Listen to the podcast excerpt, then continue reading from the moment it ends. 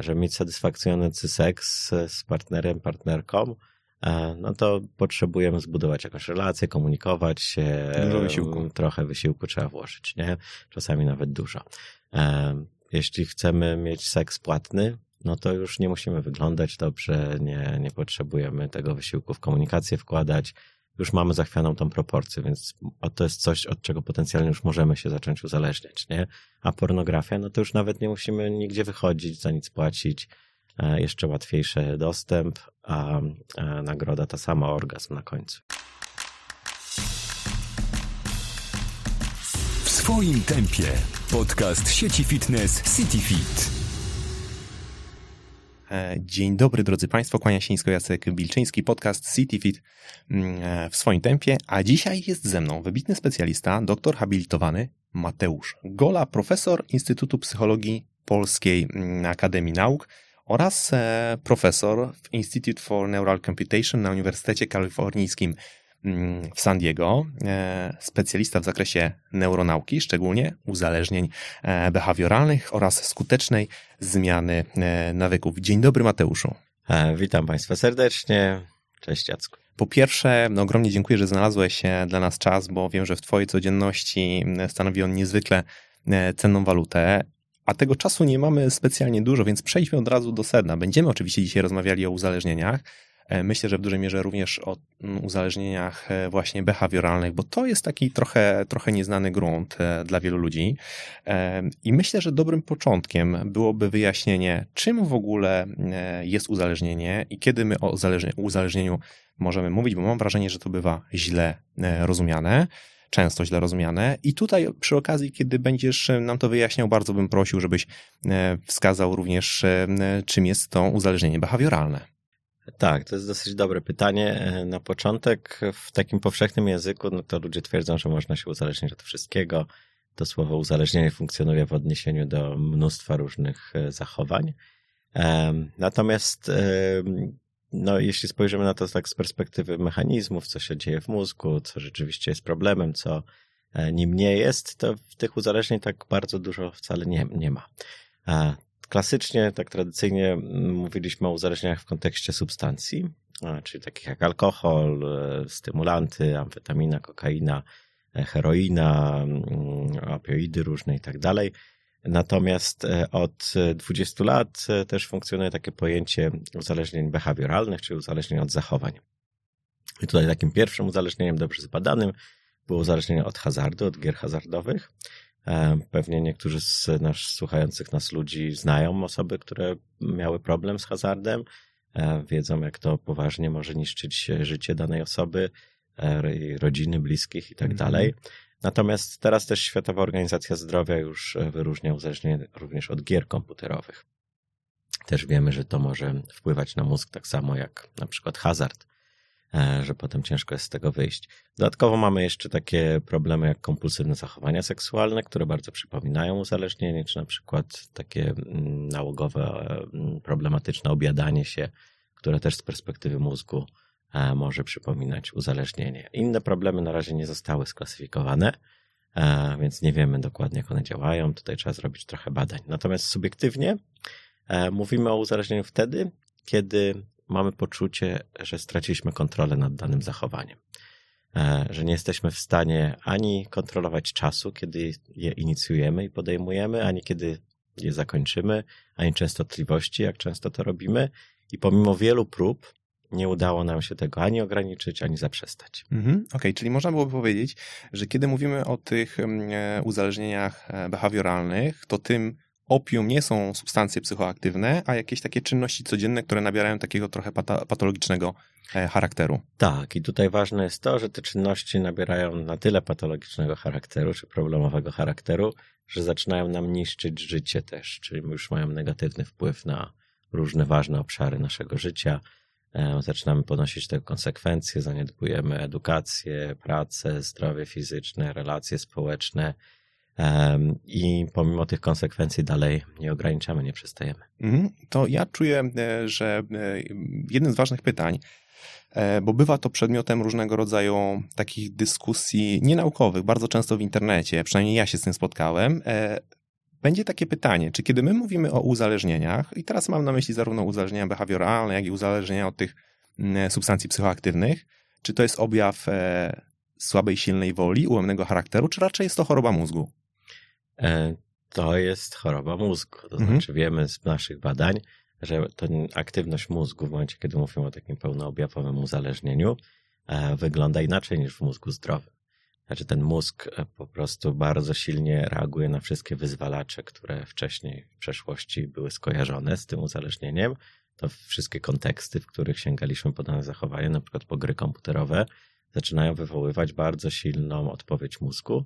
I e, w subiektywnej takiej warstwie naszych odczuć to jest takie uczucie wewnętrznego przymusu, że ja muszę to zrobić, muszę się zaangażować w jakieś zachowanie, znowu iść zagrać w grę hazardową, e, czy właśnie mm, siąść i grać na komputerze, czy zacząć oglądać pornografię. E, I to jest tak silne, że no po prostu bardzo trudno się temu oprzeć.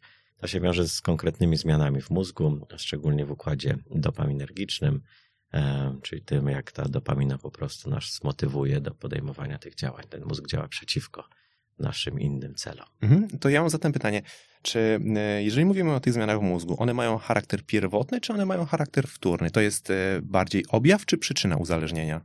E, Te zmiany są już rezultatem uzależnienia. One się pomału Mhm. po, pojawiają w miarę tego, jak zaczynamy coraz częściej, coraz mocniej angażować się w dane problemowe zachowanie. E, Natomiast są też takie z, y, charakterystyki mózgu, szczególnie związane nie z tym, jak on działa, ale jak on wygląda, które stanowią pewne predyspozycje. I też są różne psychologiczne predyspozycje, czyli takie czynniki, które sprawiają, że niektóre osoby będą bardziej podatne na rozwój uzależnienia niż inne. Bo wiemy, podobnie jak z alkoholem, że no, alkohol w naszym kraju, ile osób tam pije? 90% jakiś kontakt w miarę Prawdopodobnie. e, regularny ma parę razy przynajmniej w roku, nie? E, Natomiast e, tylko około 9% osób, czyli 1 na 10 na 11, doświadczyło jakichś problemów związanych z piciem alkoholu, a tylko około mm, 3 osoby na 100, 4 na 100 mają uzależnienie. I nie każdy się uzależnia, nie każdy w takim samym stopniu, tak samo szybko. Niektórzy w ogóle mogą próbować wielu różnych substancji przez wiele lat i w ogóle nie będą mieli żadnych problemów z tym. Natomiast to są osoby, e, które są bardziej podatne. Nie? Tutaj mamy czynniki genetyczne, czyli geny, czy jak mieliśmy w rodzinie historię uzależnień, to prawdopodobnie też mamy większe ryzyko, że będziemy mieli większą podatność na uzależnienia.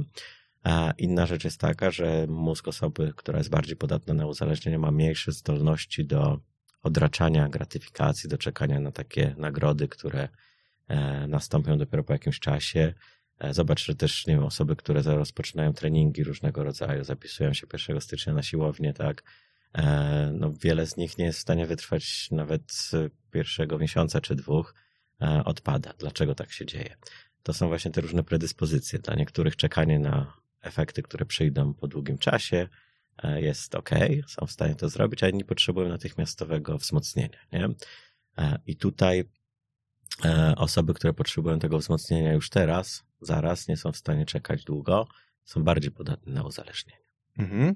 Czyli gdybyśmy tak e, zaobserwowali e, zachowania ludzi, to e, zakładam, że ta, ten kontekst na przykład odraczania gratyfikacji e, można byłoby wnioskować, że taka osoba ma większe predyspozycje, jeżeli w innych przestrzeniach swojego życia też tej gratyfikacji nie potrafi odraczać, że może być w takiej gru- grupie ryzyka, że e, no, będzie bardziej podatna na występowanie różnego rodzaju uzależnień.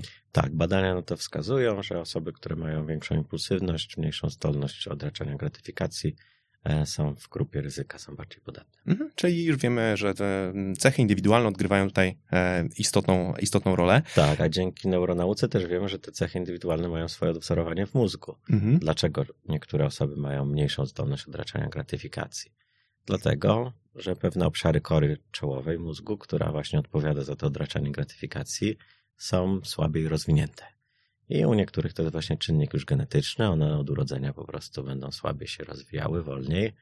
A u innych to są też różnego rodzaju uszkodzenia kory, na przykład pod wpływem korzystania z metamfetaminy ta kora się uszkadza, czy z dużej ilości alkoholu też możemy ją uszkodzić.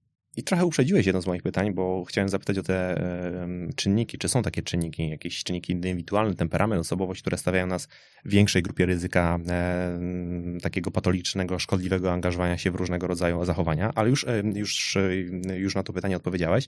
Natomiast chciałbym e, w takim razie zapytać Cię, czy e, te czynniki, które mogą predysponować do uzależnień, czy one są wspólne dla wszystkich rodzajów uzależnienia, czy jednak możemy pokusić się tutaj o jakieś o jakieś e, różnicowanie, mówimy raczej o, o określonych predyspozycjach, które przypisujemy konkretnemu, konkretnemu uzależnieniu. Mm, jest duża grupa uniwersalnych mhm. rzeczy, tak jak właśnie impulsywność, czy odraczanie gratyfikacji, zdolność do hamowania impulsów i tak dalej, ale są też specyficzne rzeczy, na przykład takie czynniki genetyczne, które nam definiują, jak łatwo metabolizujemy alkohol, jak łatwo będziemy go trawili i tak dalej, e, jak silno będziemy mieli kacę na przykład. Mhm. Osoby, które radzą sobie z tym świetnie i nie doświadczają kaca, mogą mieć większą predyspozycję do akurat uzależnienia od alkoholu. Nie? No i tak samo właśnie z różnymi specyficznymi zachowaniami. E, też są takie drobne czynniki, które są specyficzne dla danego typu problemu, ale ta baza wspólna jest, jest bardzo duża. Mhm. Dobrze, to jeszcze zapytam, bo tak jak powiedziałem, chciałbym, żebyśmy gdzieś tam próbowali e, poniekąd w, w kierunku tych zaburzeń o charakterze e, behawioralnym pójść. Czy istnieje różnica E, taka fundamentalna, jeżeli chodzi o płeć, mężczyźni e, i kobiety, czy tutaj są jakieś e, proporcje, jeżeli chodzi o takie występowanie takich uzależnień, czy tutaj to trudno? Jakby... Są. Aktualnie zdecydowanie uzależnienia behawioralne to oficjalnie rozpoznane, czyli hazard, czy gry komputerowe, czy właśnie kompulsywne zachowania seksualne bardzo, znacznie częściej e, dotyczą mężczyzn niż e, kobiet. Mhm. Podobnie mamy zresztą z substancjami też. E, praktycznie w każdej z tych substancji częściej to dotyka mężczyzn niż kobiet. Okej, okay, no dobrze. No właśnie, bo ja jakby szykując idę też już trochę wspomniałeś e, na początku o tym. Ja szykując się do tej rozmowy dotarłem do takiej informacji, że to pojęcie tego uzależnienia behawioralnego jest stosunkowo nowe, e, jeszcze do niedawna nie było powszechnie używane, a część naukowców wręcz, czy też część, część specjalistów wręcz nie uznawała tego, tego pojęcia. Moje pytanie zatem brzmi, czy to oznacza, że e, wcześniej tego zjawiska nie badano, nie pochylano się nad nim, czy ono po prostu nie występowało tak jak obecnie? I też trochę zmierzam może do tego, czy obecne tempo życia i rozwój technologii jest takim trochę czynnikiem, który sprzyja takiemu rozkwitowi zaburzeń e, behawioralnych? Czy tutaj nie ma różnic między tym, co jest obecnie, a tym, co było e, powiedzmy 20, 30 czy 40 lat temu? Każdy z tych czynników, które wymieniłeś, też tak spoilując moją odpowiedź. E, natomiast tak, no, mm, przede wszystkim wiemy, że nowe technologie są w stanie dostarczać nam różnych rzeczy znacznie łatwiej, szybciej, a w związku z tym też ten potencjał uzależniający jest większy. Żeby móc się od czegoś uzależnić, potrzebujemy też takiej dysproporcji między wysiłkiem, który trzeba włożyć w coś, a nagrodą, którą otrzymujemy. Nie?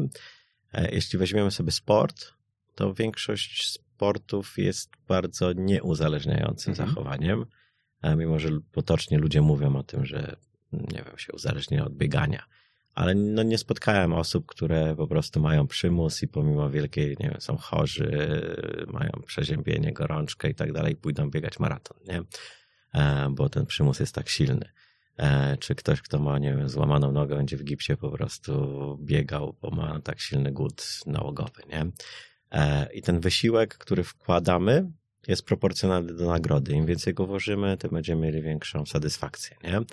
Natomiast dzięki nowym technologiom, e, takie zachowania, na przykład jak gry hazardowe, gdzie kiedyś no, trzeba było po prostu pojechać do kasyna, E, włożyć trochę wysiłku, e, mieć jakieś środki finansowe, żeby grać i mieć większą, większy właśnie ten, to nakręcenie, high, silniejsze doznania. Dzisiaj są prostsze, bo tak, nie musimy mieć środków, bo możemy mieć kartę kredytową. Mm-hmm. No, nie mamy jakiś limit. Nie musimy nigdzie jechać, bo możemy to zrobić przez internet na naszym telefonie komórkowym czy laptopie. Prawda. Więc mamy nieduży wysiłek, a dużą tą samą praktycznie nagrodę, nie? Potencjalną. Teraz następna rzecz, weźmy sobie seks. E, żeby mieć satysfakcjonujący seks z partnerem, partnerką, e, no to potrzebujemy zbudować jakąś relację, komunikować się. Dużo wysiłku. Trochę wysiłku trzeba włożyć, nie? Czasami nawet dużo. Jeśli chcemy mieć seks płatny, no to już nie musimy wyglądać dobrze, nie, nie potrzebujemy tego wysiłku w komunikację wkładać.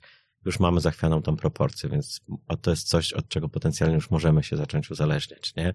A pornografia, no to już nawet nie musimy nigdzie wychodzić, za nic płacić, e, jeszcze łatwiejszy dostęp, a, a nagroda ta sama, orgazm na końcu, nie? Mhm. E, No i to jest jakby jedna rzecz. Nowe technologie zaczynają zaburzać tą proporcję. Dają nam rzeczy, wiele rzeczy bez wysiłku, natychmiast łatwo, a często doświadczamy tego z perspektywy mózgu jako taką samą nagrodę. Druga rzecz jest taka, że historycznie rzeczywiście przez długi czas tych zachowań nie badano. Hazard był wyjątkiem, ponieważ on występował historycznie przez wieki. Znamy mnóstwo przypadków ludzi, którzy tracili całe rodzinne fortuny z powodu hazardu. E, To było coś obecnego w naszej historii. Mnóstwo mamy gier hazardowych, które nie wymagają nowych technologii i tak dalej. E, Więc to było pierwsze takie zjawisko, którym zajęto się właśnie, zaczęto je badać.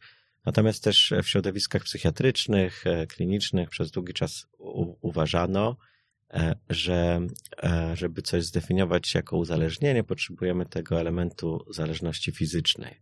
Dlatego mamy słowo uzależnienie, to jest z angielskiego dependency. Mhm.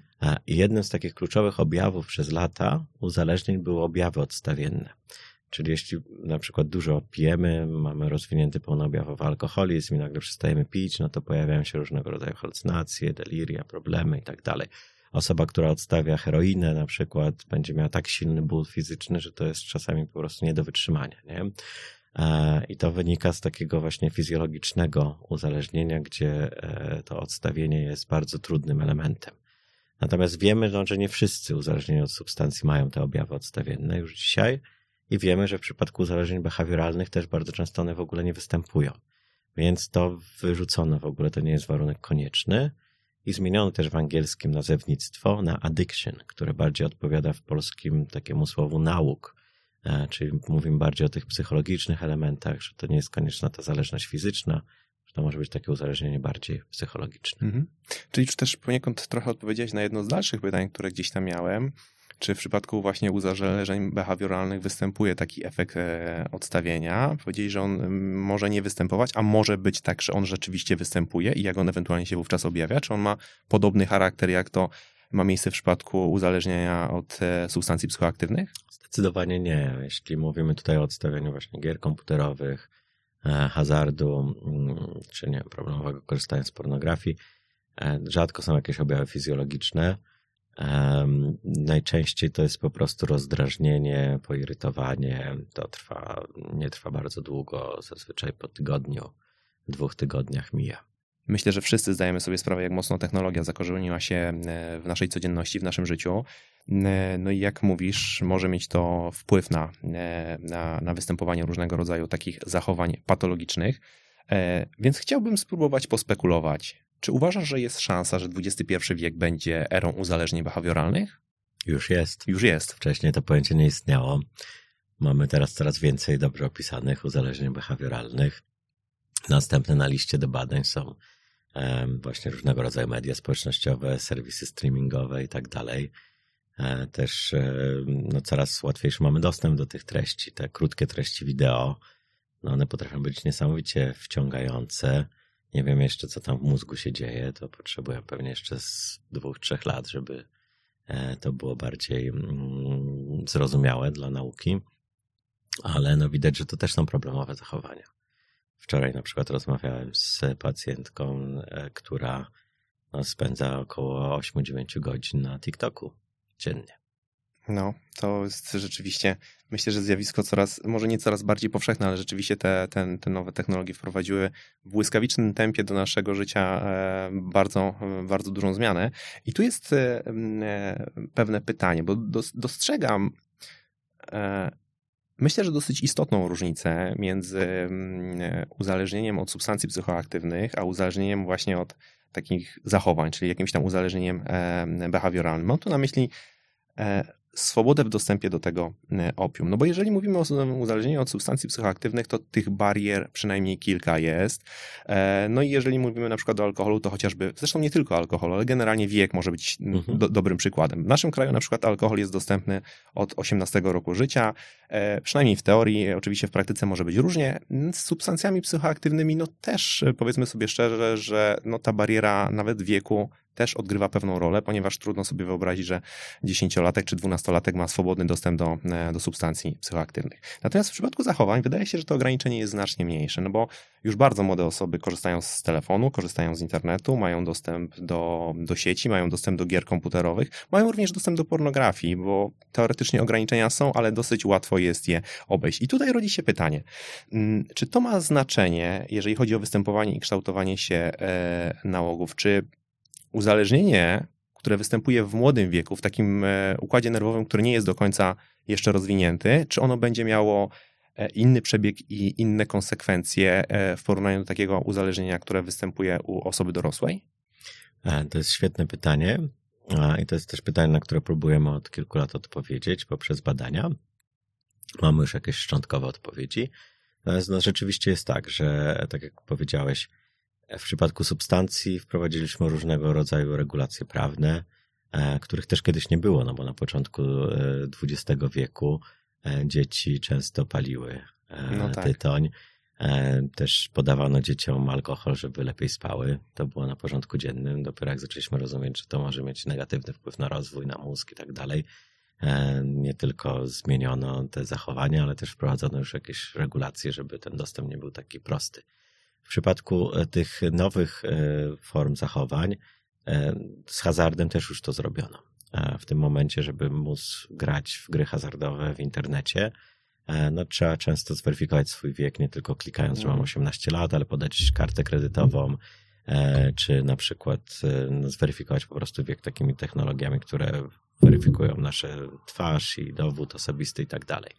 W przypadku gier komputerowych tam cały czas jeszcze są elementy hazardowe często, więc dzieciaki mają dostęp do różnego rodzaju też hazardowych mechanizmów w grach. No w przypadku pornografii to jest zupełnie nieregulowane, wystarczy kliknąć, że mam 18 lat. Tak. Efekty są takie, że wiemy, że przed 10 rokiem życia aktualnie połowa chłopców i dziewczynek już oglądała pornografię w wieku 12 lat. Co dziewiąte dziecko już ogląda przynajmniej raz w tygodniu, w wieku 15 lat. E, co dziewiąty chłopak ogląda codziennie. E, no i teraz e, właśnie, jak to, jaki to może mieć wpływ? Wiemy, jedną z przyczyn też regulowania dostępu do używek było to, że wiemy, że ten mózg się cały czas rozwija do 21-24 roku życia. I zwłaszcza te obszary, które rozwijają się najdłużej, to są obszary kory czołowej, czyli ty, to, to, co mówiliśmy na początku, czyli ten, ten, ten element, który pozwala nam odraczać gratyfikację. -hmm który pozwala nam e, planować długofalowe cele. E, I teraz e, wiemy, że nałogi nie, no, mogą negatywnie wpływać na rozwój tego elementu, ale też jeśli on nie jest rozwinięty, to nam łatwiej wpaść w nałogi. Mm-hmm. No i tutaj, w momencie, kiedy już mówimy o nastolatkach wczesnych, 12, 13, 14 lat, które już wykonują nałogowe czynności, grają w gry komputerowe po kilka godzin dziennie, oglądają pornografię codziennie, E, no to wiadomo, że ci ludzie będą mieli mniejszą zdolność kontrolowania swojego zachowania. Łatwiej im będzie wpaść w problemowe zachowanie. Teraz jak to zmienia całokształt z e, tej grupy osób, która potem się boryka z jakimś problemem? Im później zaczynamy jakieś zachowanie, inicjować jakieś zachowania, które mają potencjał uzależniający, wchodzić w nie, tym większą rolę pełnią te predyspozycje.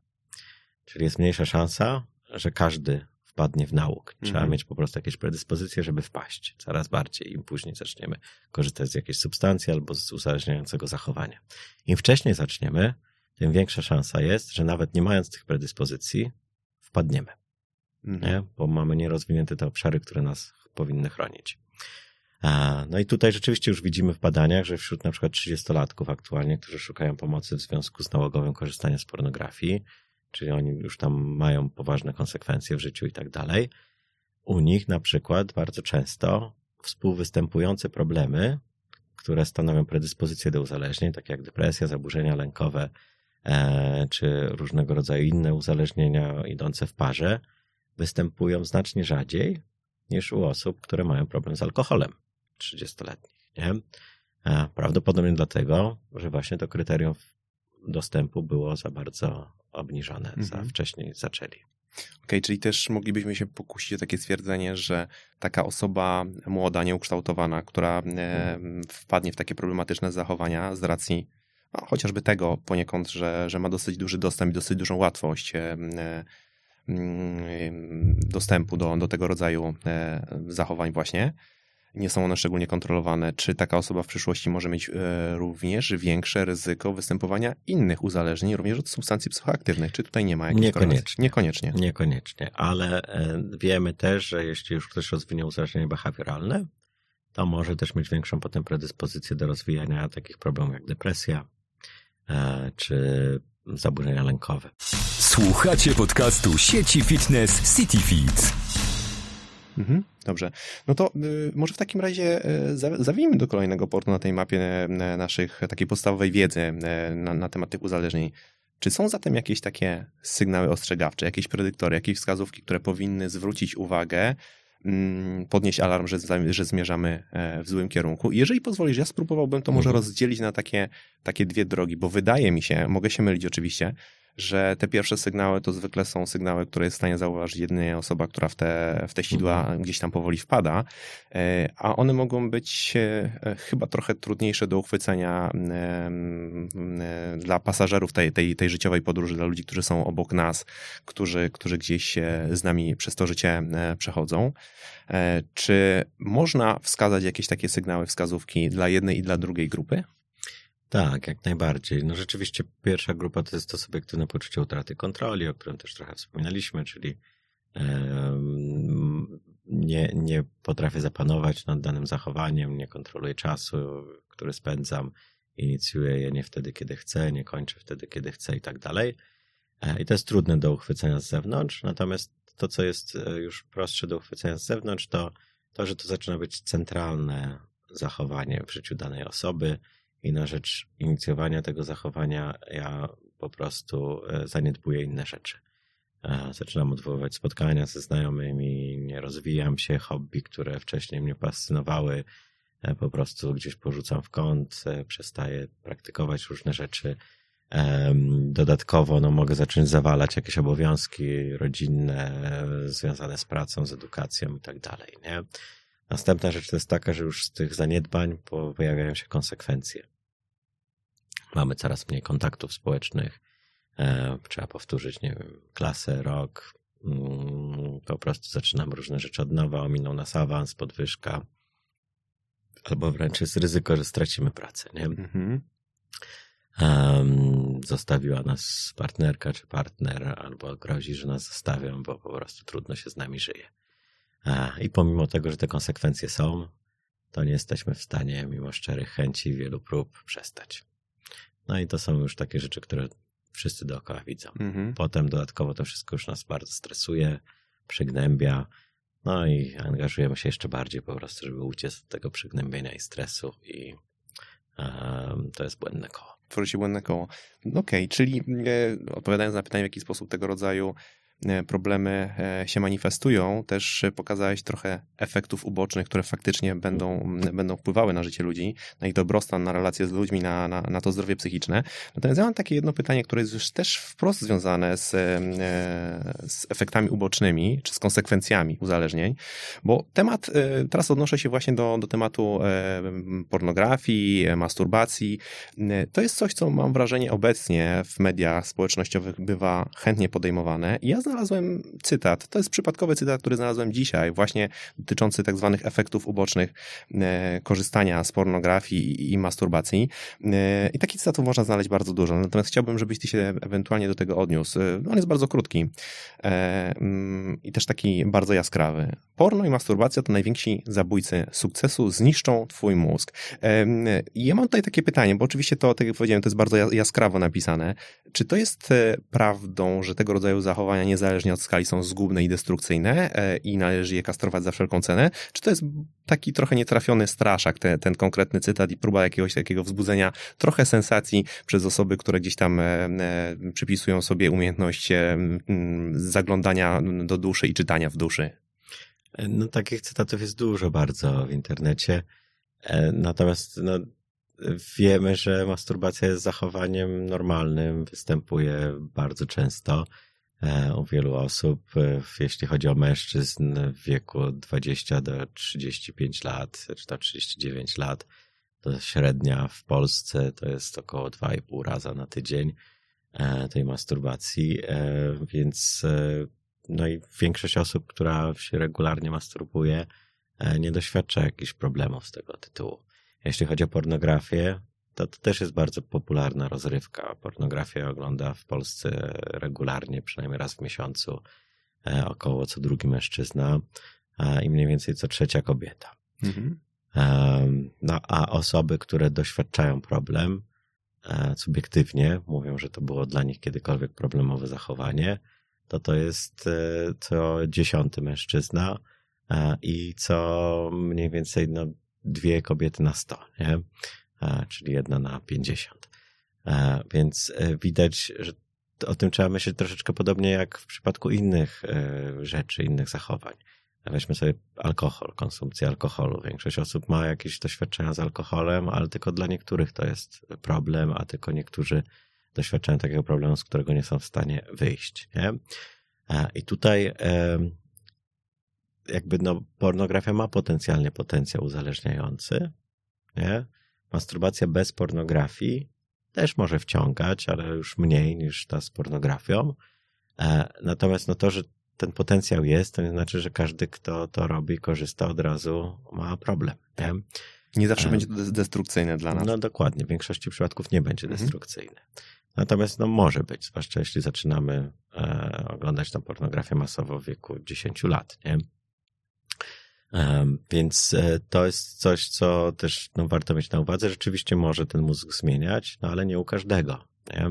Tylko u tych osób, które rzeczywiście weszły już bardzo głęboko w takie regularne korzystanie, prawie codzienne, problemowe, E, gdzie też już to nie służy zupełnie regulacji potrzebom, potrzeb seksualnych, ale to jest sposób na rozładowywanie stresu, zabijanie nudy, dystrakcje od trudnych myśli, trudnych emocji, uciekanie od tych emocji, sposób na taką autoregulację.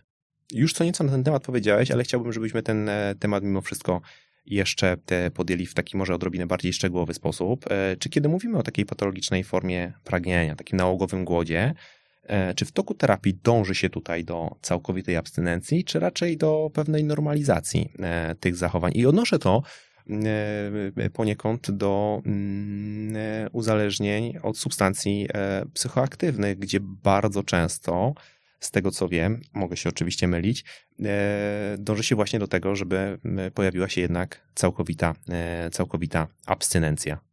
Są różne modele. Mhm.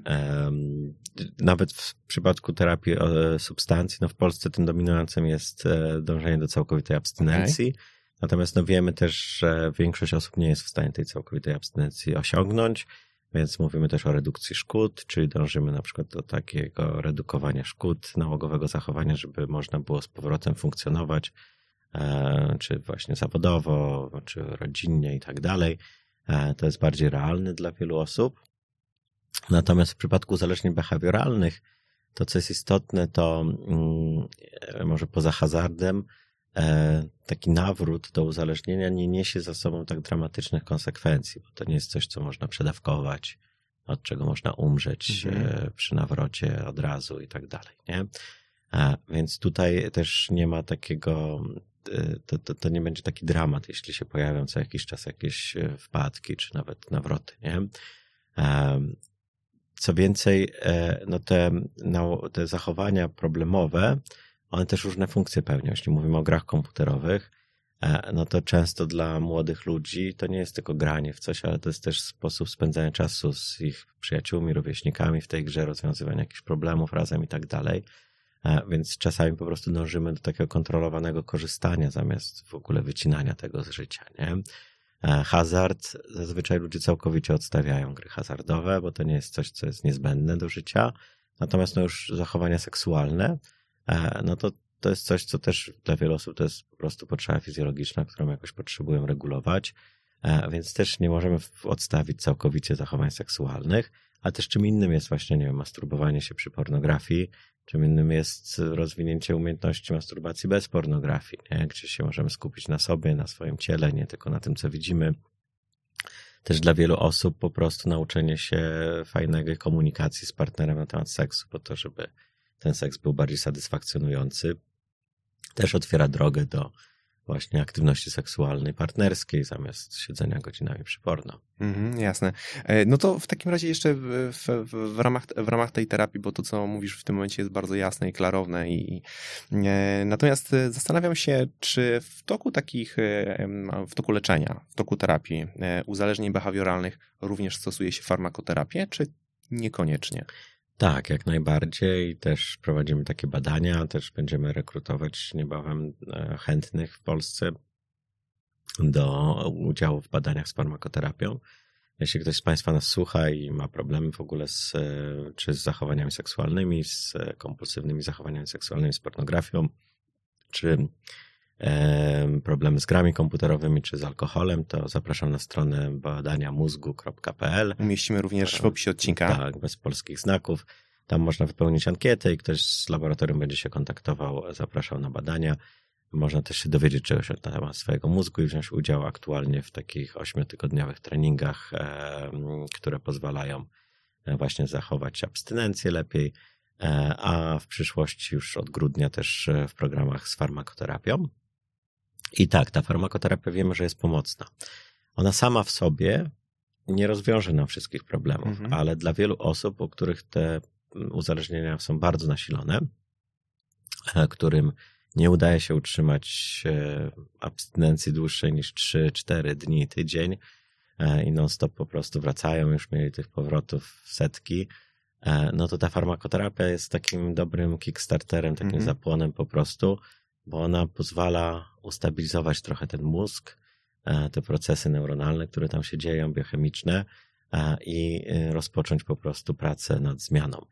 Ciężko jest trochę no taka zmiana psychologiczna, można by ją porównać trochę do gry w szachy, mm -hmm. gdzie potrzebujemy tą rozgrywkę rozegrać, mamy te wszystkie figury, uczymy się jak to działa i tak dalej. I to są już takie precyzyjne rzeczy, nad którymi pracujemy. Natomiast ciężko jest grać w szachy w momencie, kiedy gramy na stole z nierównymi nogami. Mhm. Po prostu wszystko się będzie chwiało, przewracało i tak dalej. I farmakoterapia jest sposobem na właśnie wyrównanie tych nóg, ustabilizowanie stołu. E, ten mózg to jest ten nasz hardware, e, psychologia to jest software i wtedy możemy coś z tym softwarem zrobić. Okej, okay, ale ten szachmat, żeby się pojawił ostatecznie, tutaj jest niezbędna praca psychologiczna. A, jest. Jest ona fundamentalna no, właściwie. Tak, tak. E, no bo też no, nikt nie chce być na farmakoterapii w nieskończoność, poza tym też się nasz mózg przyzwyczaja do leków, one po roku nie działają tak samo, jak działały o, w pierwszych miesiącach. To, to dobrze, że jeszcze wspomniałeś o tym, o tym przyzwyczajeniu do leków. E, to może też e, zapytam o, o, o, taki efekt tolerancji, ale w kontekście samych uzależnień. Czy w przypadku, no bo w przypadku e, uzależnienia od substancji psychoaktywnych jest to dosyć powszechna wiedza, że no, sukcesywnie tę dawkę w toku tego uzależnienia zwykle trzeba zwiększać, żeby odczuwać podobny, żeby odczuwać podobną przyjemność, podobny efekt, żeby się pojawiał. Czy w przypadku uzależnień o charakterze behawioralnym na przykład uzależnienie od hazardu albo, albo takich, takich kompulsywnych e, zachowań seksualnych, czy tam też pojawia się taki, taki efekt adaptacji, że trzeba się stymulować coraz bardziej, żeby uzyskiwać podobny rezultat? Tak, zdecydowanie się pojawia i to się wyraża w kilku aspektach. Jeden to jest coraz więcej czasu poświęconego na dane zachowanie, czy już nam nie wystarczy, nie wiem, pół godziny przy porno, tylko się robią dwie. Nie wystarczy nam grać dwie godziny, tylko się robi pięć E, i tak dalej, czyli to jest ten aspekt czasowy. E, druga rzecz, szukamy coraz bardziej stymulujących treści. E, czyli w tej pornografii na przykład szukamy czegoś, co jest bardziej ekstremalne, co nas będzie bardziej pobudzało, E, no też nie wiem, jeśli ktoś już się masturbuje po raz czwarty, piąty danego dnia, e, no to żeby osiągnąć każdy kolejny orgazm potrzebuje rzeczywiście czegoś dużo mocniejszego. Mhm, Okej. Okay. No dobrze, to ja mam taki tutaj cytat, który pochodzi ze strony nałogometr.pl, która jest no, mhm. poniekąd twoim dzieckiem. Badania pokazują, że średnio 65% ludzi wraca do uzależnienia w ciągu dwóch lat E, po zakończonej terapii. E, no, oczywiście te, te statystyki prawdopodobnie w różnych uzależnieniach mogą wyglądać różnie, natomiast e, no, one są dosyć przytłaczające. I moje pytanie brzmi, Dlaczego tak się dzieje? Czy te metody terapeutyczne jeszcze nie są do końca doskonałe? Czy jakby nauka jeszcze nie do końca rozumie te wzorce zachowań? Czy może to po prostu jest taki rodzaj problemu zdrowotnego, który jest bardzo trudny w samej terapii i wymaga bardzo dużego zaangażowania ze strony, ze strony pacjenta? Mhm, bardzo dobre pytanie, zadaję sobie od, od lat, też próbuję na nie odpowiedzieć. Przede wszystkim te statystyki dotyczą uzależnień od substancji. Mhm. Nie wiemy jeszcze, jak to wygląda w uzależnieniach behawioralnych, nie mamy takich badań na dużą skalę. Też one wyglądają bardzo różnie w zależności od danej substancji. Te 65% to jest średnia dla różnych substancji. Wiemy, że w przypadku marihuany to jest 42% e, nawrotów, czyli 6 na 10 osób nie wraca po roku do nałogu. Natomiast w przypadku heroiny to, to jest niestety aż ponad 80% nawrotów. Nie? I teraz um, dlaczego tak się dzieje? E, przede wszystkim no, wiemy już, że to jest dosyć uporczywa choroba mózgu związana z takimi zmianami, które ich odwrócenie zajmuje sporo czasu, miesięcy, czasami lat, roku, dwóch, w sensie nie tam dziesięcioleci, mhm. ale no, na przykład dwa lata, nie? Żeby te, te zmiany się cofnęły. E, druga rzecz jest taka, że do tej pory często jakby te metody terapii, one zakładały, że wszyscy uzależnieni są podobni. A wiemy, że tak nie jest, że jeśli nie będziemy personalizowali tych podejść pod różne podtypy osób uzależnionych, ich specyfikę, E, no to ta skuteczność będzie mniejsza. Potrzebujemy to móc właśnie dostosować do danej osoby. Mhm. I następna rzecz to taka rzecz, że no cały czas jeszcze nie rozumiemy, jak to jest wielowarstwowy problem, nie? E, mamy na przykład osoby, które mają predyspozycje bardzo silne, takie biologiczne, genetyczne do uzależnienia. Teraz jeśli w terapii dla nich jedynym celem będzie tylko dojście do abstynencji, utrzymania abstynencji, no to to im nie wystarczy. One będą potrzebowały jakiejś silnej stymulacji. No i niektórzy, no to mamy fajne przykłady z historii nawet polskiego sportu. Angażują się jak Górski bodajże, tak, w ekstremalne triatlony, mm-hmm. albo mieliśmy Himalajstów też z doświadczeniem e, Mackiewicz chyba, tak, e, który też wychodził z uzależnienia e, od, od heroiny. E, którzy znaleźli sobie po prostu Substytut. inne zamienniki, e, które są akceptowalne społecznie, może też są ryzykowne zdrowotnie, bo są obciążające, czy właśnie tak jak himalajstyka, można zginąć, ale no są pasją, która po prostu daje to, co, czego potrzebują ci ludzie, nie?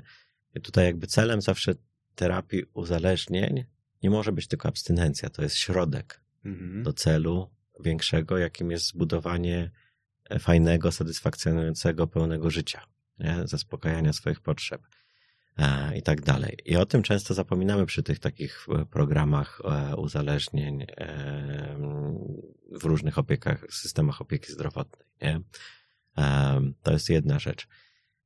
No kolejna rzecz jest taka, że jeśli dobrze zrozumiemy te mechanizmy, jak one działają, będziemy w stanie rozpoznać te podtypy, no to będziemy potrzebować rzeczywiście dać bardziej customowe mhm, rozwiązania. rozwiązania i one wtedy może będą działały lepiej. Mhm. Czyli problem jest, e, jest wielopłaszczyznowy. Ale to dosyć ciekawe pytanie, bo dotknąłeś tego wątku i ja chciałbym w takim razie go jeszcze odrobinę pociągnąć. Czy osoba, która e, wyjdzie z takiego uzależnienia e, behawioralnego, czy, czy uzależnienia od substancji psychoaktywnych, wspominałeś o tym, że u takiej osoby z tytułu tego uzależnienia pojawiają się pewne zmiany w mózgu.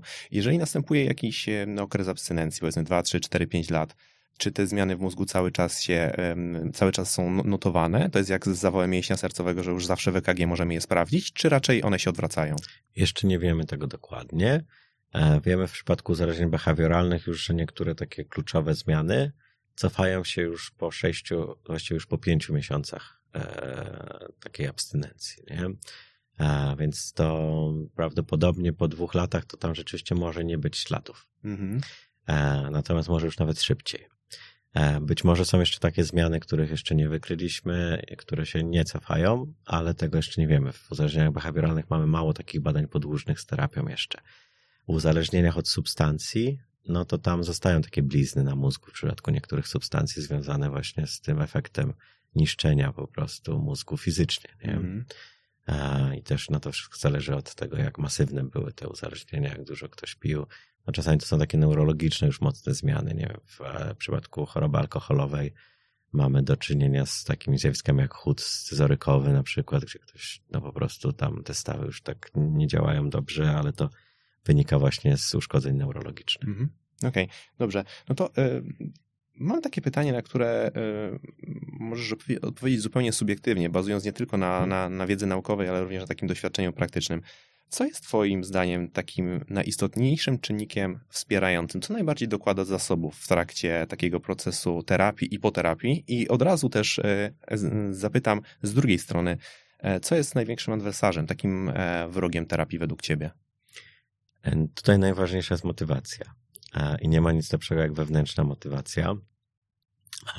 Często jest tak, że ludzie zgłaszają się na terapię w momencie, kiedy po prostu coś im dało mocno w kość i doświadczają silnych negatywnych konsekwencji.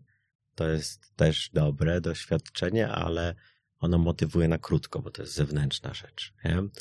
Natomiast najlepszym predyktorem tego, czy ktoś się utrzyma w terapii, czy później będzie e, zadowolony z życia i miał fajną abstynencję, jest to, jak szybko przechodzimy z tej zewnętrznej motywacji na wewnętrzną. Czyli jak szybko zaczynamy doświadczać pozytywnych efektów tego, że właśnie nie poddaje się nałogowi. Nie?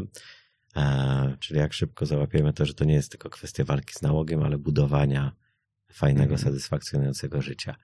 No i tutaj e, często największymi przeciwnikami to są paradoksalnie właśnie te wszystkie sytuacje i bliscy, którzy nam suszą głowę, że ty jesteś uzależniony, idź się lecz i tak dalej.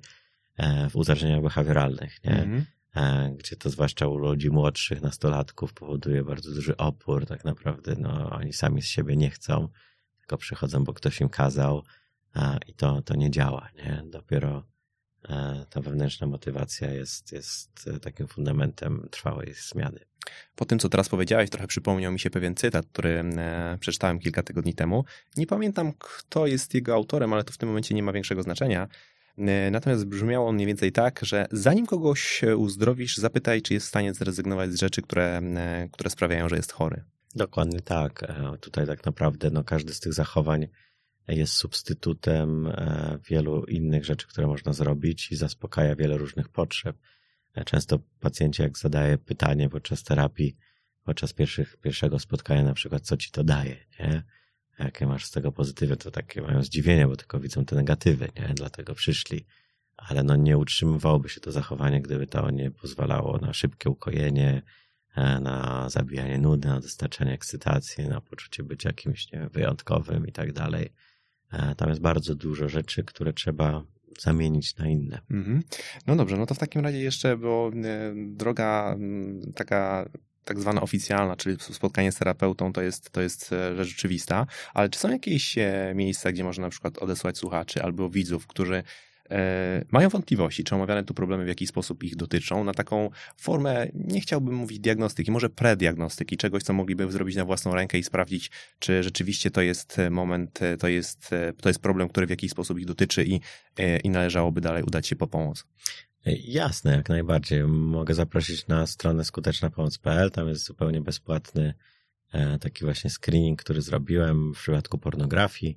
To się nazywa Porn Detox. Można właśnie sobie odpowiedzieć na pytania, zobaczyć, czy się ma problem, czy nie, spróbować 10 dni przerwy e, i też po drodze sobie poodpowiadać na różne pytania, jaką to funkcję pełni, jakie, jakie potrzeby zaspokaja, jakich nie i tak dalej. E, to jest zupełnie bezpłatne, więc tam można jak najbardziej spróbować. W przypadku gier komputerowych innych rzeczy jeszcze nie mamy takich e, rzeczy, ale pewnie niebawem coś będę wrzucał też na stronę. E, no i też e, skończyłem pisać też książkę, gdzie też będzie można po prostu skorzystać z różnych narzędzi i sprawdzić pewnie, na razie wyjdzie po angielsku, ale pewnie już pod koniec tego roku będzie też wersja To czy możemy w takim razie zdradzić tytuł tej książki, czy na razie? Jeszcze nie. Jeszcze nie. Dobrze, czyli trzeba śledzić gdzieś w mediach i, i z pewnością niebawem będzie, będzie Tak, no też na stronie mateuszkola.pl też można mnie znaleźć, napisać e, i też pewnie tam wrzucę już informacje, jak będzie dostępna. Jasne, super. Nasz czas powoli dobiega końca, bo wiem, że e, masz bardzo napięty grafik. Natomiast chciałbym, żebyś jeszcze na sam koniec e, jeszcze raz przypomniał, gdzie można wziąć udział w badaniu, które prowadzisz w naszym mhm. kraju, bo to jest bardzo ważna informacja. Nie chciałbym, żeby ona gdzieś tam zginęła w, w tej rozmowie, więc na koniec w mhm. takim podsumowaniu myślę, że, że to jest Okej. Okay.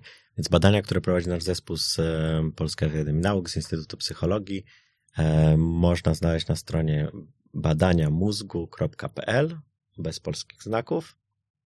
I tam wystarczy wypełnić ankietę e, i ktoś z zespołu będzie się kontaktował w ciągu mm, paru dni, czasem trzeba poczekać do tygodnia lub dwóch i wtedy już indywidualnie zapraszamy po prostu do naszego udziału w badaniach. Aktualnie poszukujemy osób, które mają problemy z kompulsywnymi zachowaniami seksualnymi, z pornografią, z grami komputerowymi e, bądź z alkoholem, ale też e, po wypełnieniu tej ankiety, po prostu jeśli macie Państwo też problemy z innymi rzeczami, to e, też za jakiś czas, jak będziemy prowadzić badania, to się skontaktujemy. Będziecie, drodzy Państwo, w bazie. Ale jeszcze... też to, co jest ważne, mhm. to co chcę podkreślić, to to, że bez odwagi i aktywnego zaangażowania osób, które mają problemy z tymi wszystkimi nałogami behawioralnymi, nic byśmy dzisiaj nie wiedzieli. Mhm. To wszystko, czego się dowiedzieliśmy w ciągu 10 lat, to jest dzięki tym wszystkim cudownym, wspaniałym ludziom, którzy mieli odwagę wziąć udział w badaniach, którzy nam pomogli, podzielili się swoim doświadczeniem. E, więc to też każda z tych osób może e, czuć się współtwórcą po prostu tego. No, cegiełkę swoją dokłada do tego procesu. Tak. tak, no e, drodzy Państwo, za Mateuszem stoi ogromny e, kawał takiej, takiej działalności naukowej i, i, i, pracy w tym zakresie. Natomiast jeszcze chciałbym tylko dopytać o jedną rzecz, bo wspomniałeś o osobach, które mają problemy właśnie. E, czy te problemy muszą być zdiagnozowane, czy to może być ktoś, kto ma takie swoje podejrzenie? Może być ktoś, kto ma swoje podejrzenie i wtedy też te ankiety pozwalają zdiagnozować. Też jeśli zadzwoni ktoś z zespołu, to też jeszcze dopyta o różne rzeczy, więc jak najbardziej to nie, nie, nie musi być zdiagnozowane tak oficjalnie. Jasne. Też jeszcze jest jedna rzecz e, a propos właśnie, mm, tak jak wspominałeś o nałogometrze, e, to też e, w ramach projektu Predict Watch też została przygotowana teraz aplikacja, ona jest na razie w wersji testowej dostępna dla osób, które mają problem z marihuaną. Mhm.